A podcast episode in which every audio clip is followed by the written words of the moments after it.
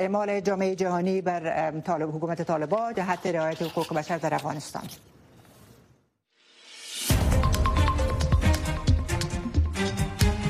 سرخط چند خبر مهم در برنامه خبری این ساعت تلویزیون آشنا صدای امریکا.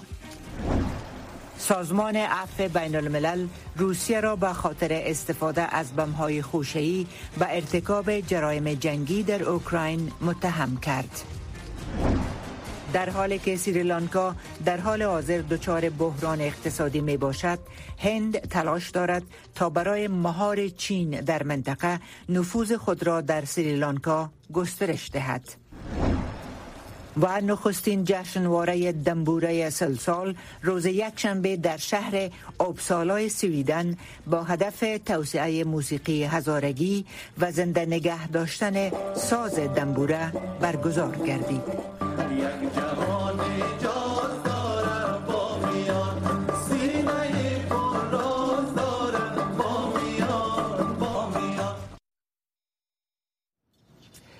بینندگان محترم سلام. به برنامه این ساعت تلویزیون آشنا صدای امریکا از واشنگتن دی سی. خوش آمدین. امروز دوشنبه 13 ماه جون سال 2022 میلادی است. نجیب خلیل هستم. در برنامه این ساعت که به گونه مستقیم از طریق ساتلایت یوتیوب و فیسبوک صدای امریکا به نشر می‌رسد بر علاوه تازه ترین خبرها و گزارش ها از سراسر جهان همکارم سید عزیز الرحمن را از مقابل قصر سفید با خود می داشته باشیم که در رابطه با متهم ساختن روسیه از جانب سازمان عفو بین الملل و ارتکاب جنایات جنگی صحبت می کنند همچنان همکارم ژیلو نوری را در استودیو با خود می داشته باشیم که در رابطه با رویدادی که ساعت قبل در مورد راه های اعمال فشار جامعه جهانی بر طالبان با خاطر رعایت و احترام به حقوق بشر در افغانستان در واشنگتن دی سی صورت گرفت صحبت می کند با ما باشید سازمان عفو بین الملل با نشر یک گزارش تازه روسیه را به ارتکاب جرایم جنگی در اوکراین متهم کرده و گفته است که مسکو در اغلب موارد در شهر خارکیف آن کشور بمهای خوشه‌ای ممنوعه را استعمال کرده است. این گزارش در حال نشر شده است که حملات روسیه بر یک ساحه صنعتی در شرق اوکراین که گمان می رود صدها غیر نظامی در آن پناهگزین شدند امروز نیز ادامه داشت. شرح بیشتر در این مورد را همکارم سید عزیز الرحمن دنبال کرده و همکنون از قصر سفید در برنامه با ماست. عزیز جان سلام. جزئیات بیشتر در مورد گزارش سازمان عفو بین الملل و واکنش روسیه در قبالش چیست؟ تشکر نجیب جان. سازمان عفو بین الملل با نشر یک گزارش گفته است که 41 حمله روسیه را در شهر خارکیف اوکراین مورد تحقیقات قرار داده و نتیجه این تحقیقات ای بوده که در نتیجه از این حملات حد اقل 62 نفر کشته شده و حد اقل 196 نفر دیگر زخمی شده است. در این گزارش آمده است که نظامیان روسیه به گونه مکرر و بدون در نظر داشت ای که چه هدف را در شهر خارکیف آماج قرار میتن این حملات را انجام داده و گفتند که در این حملات خود از های خوشه‌ای و های غیر رهبری شده استفاده کرده روسیه. همچنان در این گزارش آمده است که ادامه استعمال این تسلیحات به خصوص در ساحات مسکونی و پر جمعیت و پر نفوذ به این معنا خواهد بود که روسیه می خواهد عمدن ملکیار در اوکراین هدف قرار بدهد. سازمان عفو بین الملل همچنان در این گزارش خود خواسته است تا آنانی را که مسئول انجام این حملات هستند باید پاسخگو قرار بگیرند. لیکن مسکو تا کنون در مورد این گزارش چیزی نگفته ولی در گذشته چون این گزارش ها را رد کرده و حتی گفته است که در حقیقت اوکراین است که با اسناد یا با ارائه اسناد و شواهد ساخته شده یا ساختگی می‌خواهند که جنایات جنگی را به روسیه به دوش روسیه البته بیاندازد. عزیز جان همزمان با نشر گزارش یک کارخانه شیمیایی در شرق اوکراین که گفتمش از ادا غیر نظامی در حضور دارند تحت حملات روسیه قرار دارد آیا در این مورد در مورد تلفات غیر نظامیان چیز گفته شده یا نه؟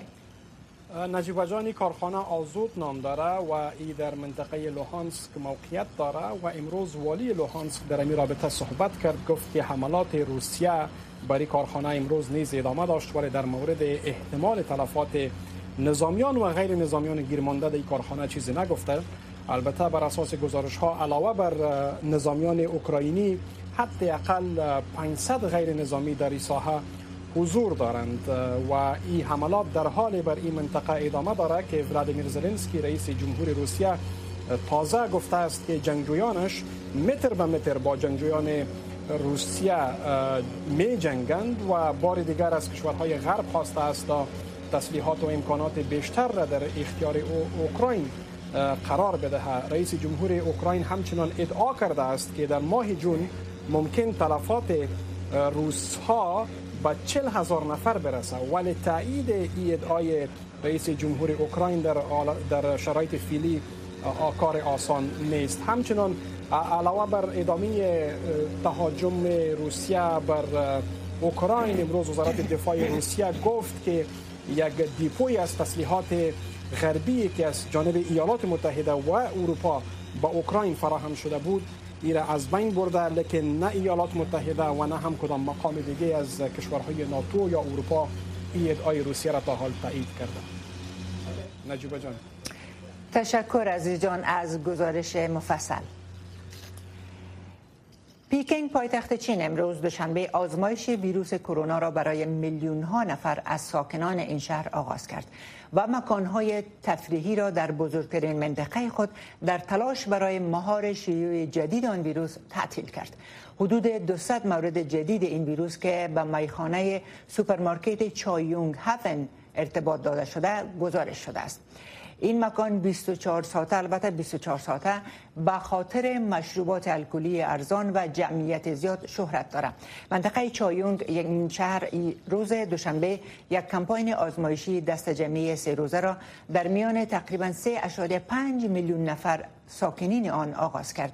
حدود ده هزار تماس نزدیک از مشتریان میخانه شناسایی شده و ساختمان های مسکونی آنها قرنطین شده است. به همین ترتیب برخی از بازگشایی برنامه ریزی شده مکاتب در منطقه به تویق افتاده است.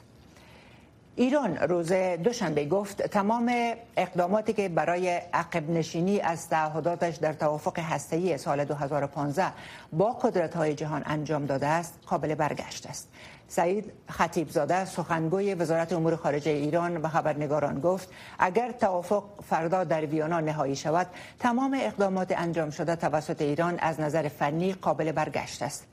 ایران در جریان هفته جاری 27 کمره نظارتی این اداره را از تأسیسات هسته‌ایش حذف کرد. اقدامی که این اداره ملل متحد آن را خلاف مکلفیت های تهران خواند. این اقدام در حال صورت گرفت که هیئت اجرایی اداره بین المللی انرژی اتمی قطعنامه را به تصویب رساند که جمهوری اسلامی را به دلیل عدم همکاری این کشور محکوم کرد. پلیس هند روز یکشنبه گفت که حداقل 100 شورشی در قلمرو فدرال جمهور و کشمیر کشته شدند. کشمیر منطقه مورد مناقشه بین هند و پاکستان که هر کدام بر بخش های آن حکومت می کنند مدت هاست محل قیام مسلحانه علیه دهلی جدید بوده است. از جمله سه جنگ بین هند و پاکستان دو جنگ آن بر سر کشمیر بوده است. عملیات جستجو و بازداشت گسترده توسط نیروهای هندو در این منطقه که از سال 1989 جنبش مقاومت مسلحانه داشته است رایج است. هند می‌گوید پاکستان از شبه نظامیان در کشمیر حمایت می کند اسلام آباد این موضوع را رد می کند و می‌گوید این تنها حمایت دیپلماتیک و اخلاقی از مردم کشمیر است. انتظار به پایان رسید. بینندگان و شنوندگان عزیز بعد از این می توانید برنامه های صدای امریکا را از طریق شبکه ماهواره جدید ببینید و بشنوید. برنامه های تلویزیون آشنا سی دقیقه کاروان و برنامه های رادیو آشنا را می توانید در چنل 469 شبکه ماهواره یاست دنبال کنید.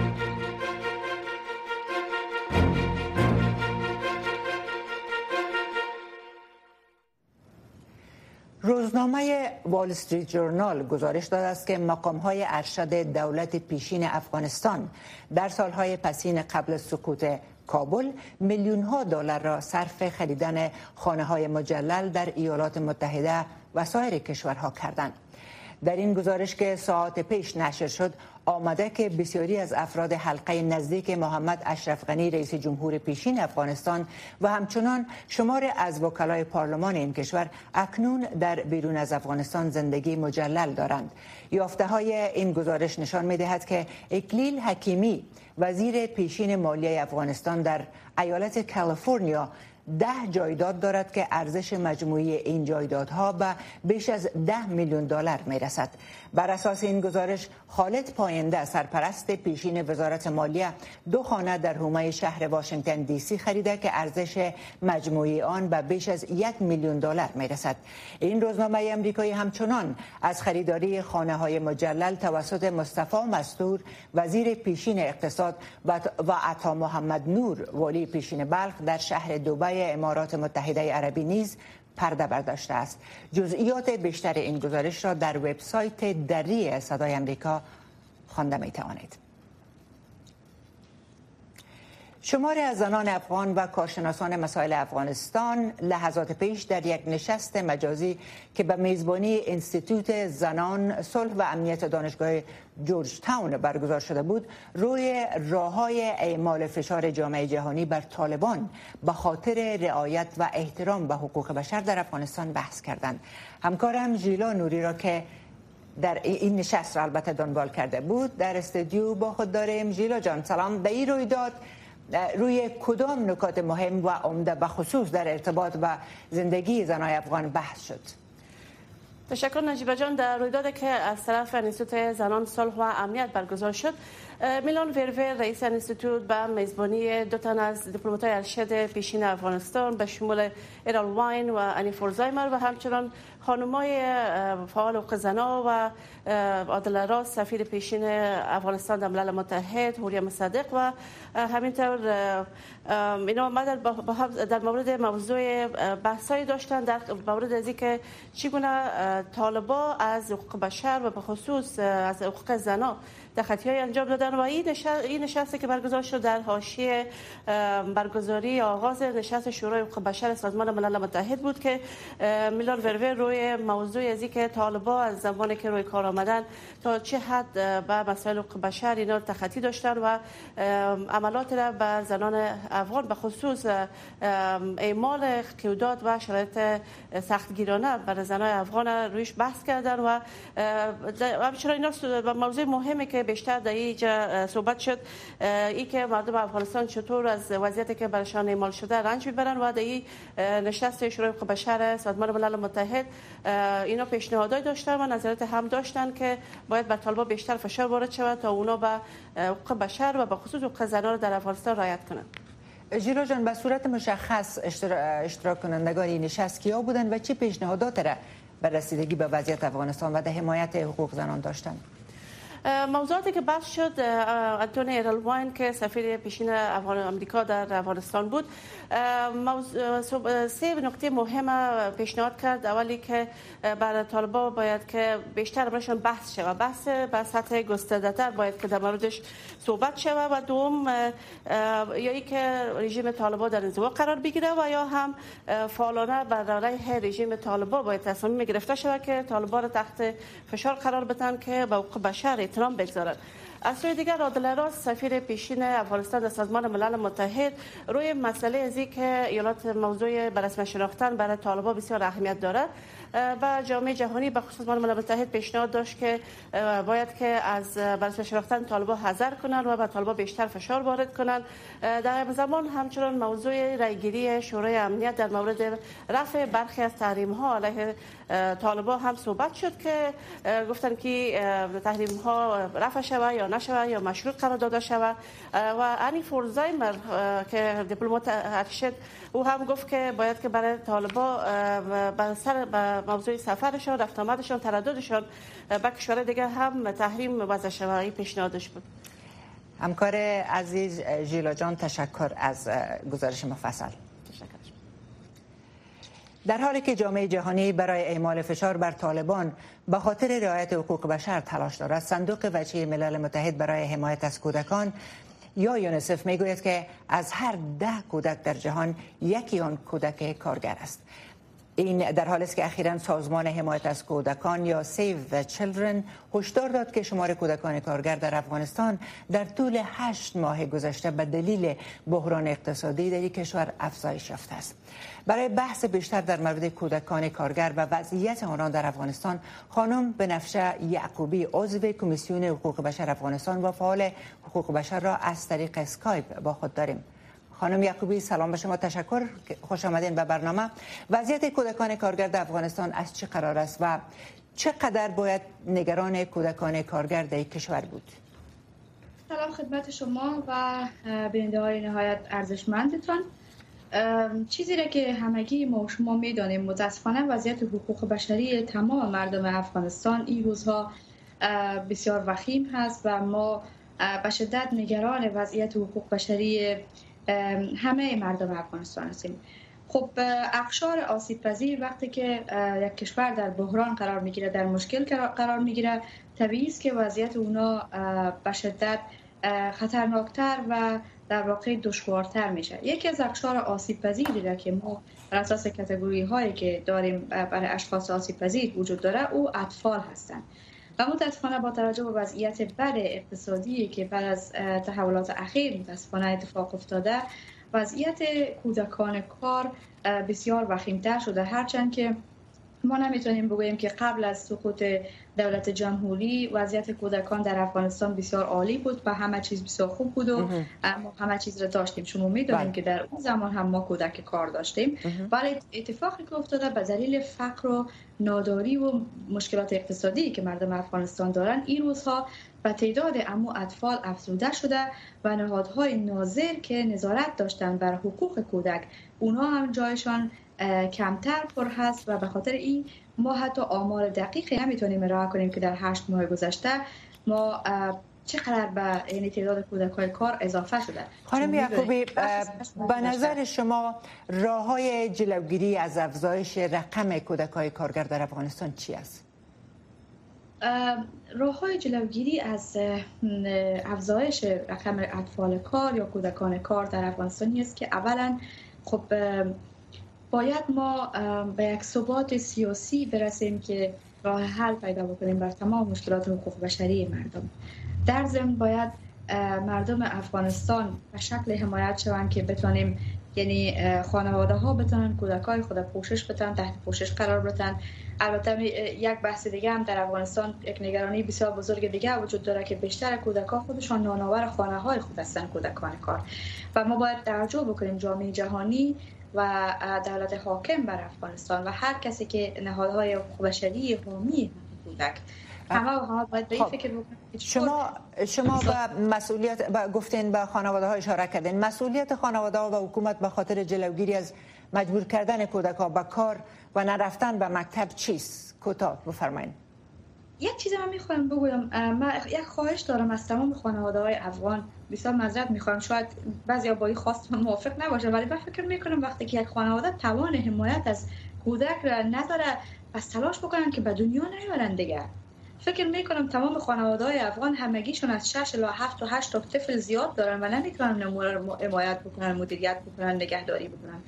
پس یکی است که ما خانم ها را اجازه بدیم که برن سر کار. حق کار خانم ها را در نظر بگیریم. وقتی یک مادر خودش میره کار می‌کنه می‌تونه اطفال خود حمایت بکنه. و همونطور دروازه مکاتب بر روی تمام اطفال دختر و پسر باز باشد تا اینا شامل مکتب شن و در آینده بتونن از راه درستش کار بکنن. نهادهای بین‌المللی و جامعه بین‌المللی حمایت های بشر دوستانه بخصوص از کودکان کار تحت مکانیزم های مشخص و منظم ادامه بدن تا اینکه ما بتونیم جلوگیری بکنیم از زیاد رقم کودکان کار. خانم بنفشه یعقوبی ممنون از وقتتان که در اختیار برنامه گذاشتین. سرفراز باشین. سلامت باشین روک و راست. صحبت های داغ صاحب نظران در مورد خبرها و مسائل روز هر شام از ساعت 8 تا 9 شب در برنامه مشترک دری و پشتوی رادیو آشنا صدای امریکا. بخش زنده این برنامه را در نشرات ماهواره صدای امریکا نیز دنبال کرده می توانید.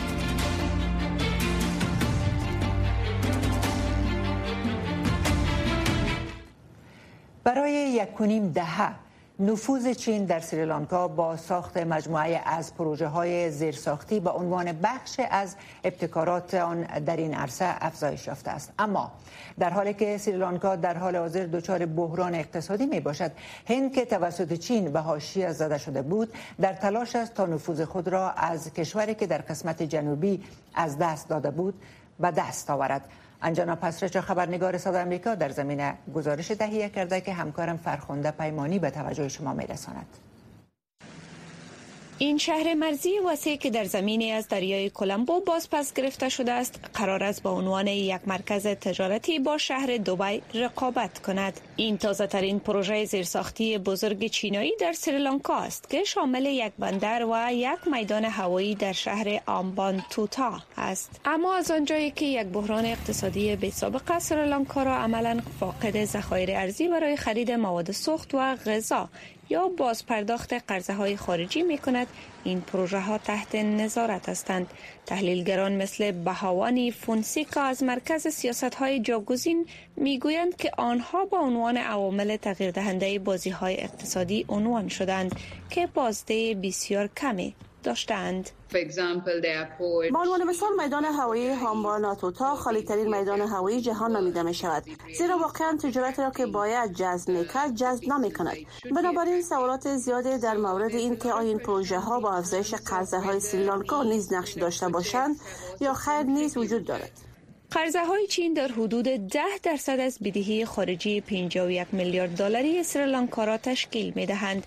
ساخت های ساخته شده توسط چین نفوذ رو رشد بیجینگ را در این کشور استراتژیک در اقیانوس هند به نمایش گذاشته بود. با این حال اکنون یک واکنش شدید عمومی علیه رئیس جمهور گوتابایا راجا پاکسا و برادرش ماهند راجا پاکسا که بسیاری از این پروژه ها را تحریم کردند بر سیاست های آینده تاثیر خواهد گذاشت. راجا پاکسا ها بسیار متمایل به سمت چین دیده می شوند بنابراین من فکر می کنم سیاست خارجی متعادل تر شکل خواهد گرفت و تلاش می شود از بازیگران مختلف و متنوع کمک بگیریم. این خبر خوبی برای هند است. که حضور چین در نزدیکی سواحل جنوبی آن به یک دردسر استراتژیک تبدیل شده بود. دهلی نو متحد شده است که از زمان شروع بحران 3 میلیارد دلار به کلمبو در قالب وام خطوط اعتباری و مبادلات اعتباری پیشکش کند. این کشور همچنین مواد غذایی مواد سوخت و تجهیزات صحی را برای کاهش مشکلات ناشی از کمبود کالاهای اساسی ارسال کرده است. هرشپن تحلیلگر بنیاد تحقیقاتی ابزرور دیدگاه خود را چنین بیان داشت. این به عنوان فرصتی برای نشان دادن تعهد خود به عنوان یک تامین کننده امنیت شبکه به مفهوم اقتصادی آن است که ثابت کند. هند به عنوان یک قدرت منطقی بتواند از سریلانکا در زمان بحران اقتصادی حمایت کند و در نتیجه بر اعتبار خود به عنوان یک قدرت منطقی مسئول تاکید کند. پیش از فصل کشت برنج در سریلانکا دهلی نو قصد دارد برای کمک به دهقانان که به دلیل فرمان دولت برای تغییر کشت ارگانیک متحمل ضرر و زیان فراوان شدند کود کیمیایی ارسال کند. همان طور که هند به عنوان یکی از بزرگترین کمک کنندگان ظاهر می شود تصویر آن به عنوان یک متحد قابل اعتماد در حال تقویت است. بسیاری از مردم سریلانکا از این واقعیت که هند از نظر رسیدگی به نیازهای فوری و نیازهای فوری بشر دوستانه موفق بوده است بسیار استقبال می کنند و با کسانی که صحبت کردم بسیار متوجه شدند که هند یک دوست واقعی برای سریلانکا است. برای دهلی جدید بازیابی زمین از دست رفته در برابر چین یک تقویت کننده است. زیرا تلاش می کند تا با نفوذ فزاینده بیجینگ در جنوب آسیا مقابله کند. فرخنده پیمانی تلویزیون آشنا صدای امریکا واشنگتن.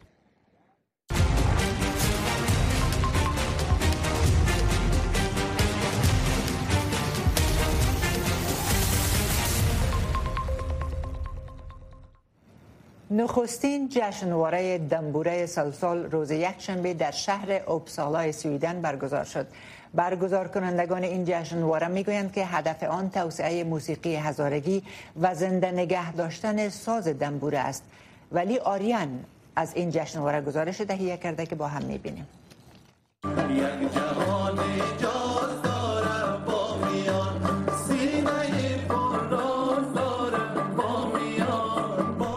سرود ترانه های محلی و میهنی با نوازش تارهای دنبوره از سازهای اصیل هزارگی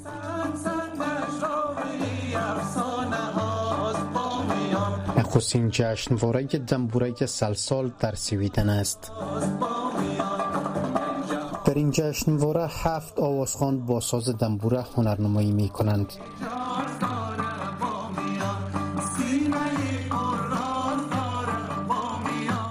حمید سخیزاده از آوازخانان محلی هزارگی یکی از شرکت کنندگان این جشنواره است. کسی که نزدیک به پنج سال می شود ترک افغانستان کرده است. این برنامه گسترش پیدا کنه. در آینده نه تنها فقط برای هنرمندای هزار جمع شود دنبور نوازای هزار جمع شود بلکه سه زون مختلف از افغانستان مثلا قطعا زمین مزار مثلا طرف بدخشان و مناطق مرکزی که در آینده مثلا بتونن با هم همکاری بکنن با هم کار بکنن و رشد بکنن. هدفتان کسایی است که دنبوره می بدون شک بدون شک کسایی که دنبوره می نوازه ما حداقل بتونیم یک تاب تبادل نظر یا تبادل فرهنگی بکنیم. حداقل بتونیم از هم دیگر تکنیکال یاد بگیریم در اوضاعی که صدای موسیقی در افغانستان کر است و طالبان حتی اجازه گوش دادن به موسیقی نیز نمی دهند جشنواره های اینچونینی به ویژه موسیقی محلی می تواند در زنده نگه داشتن موسیقی سنتی و محلی افغانستان موثر باشد. آنچه که نبید نواز یک آوازخان محلی دیگر در این جشنواره بر این باور است. در افغانستان جشنواره ها که قبلا در بامیان برگزار می شد کاملا قطع شده. و ما در ادامه همون کار خواستیم که این جشنواره اقلا زنده و سرپا بمانه و برای رشد و غنای غنامندی موسیقی افغانستان اگر در داخل کار نمیشه اقلا دست پای ما اینجا باز است. ما می‌تونیم که این کارها را هر ساله در هر شهر برای اروپا بیرون از افغانستان ادامه بدیم تا این واقعا این سربن یا این سرشیمه خشک نشود. برگزار کنندگان این جشنواره اما می‌گویند که با برگزاری این جشنواره خواستند تا در برابر نابرابری ها و محدودیت ها در افغانستان صدا بلند کنند.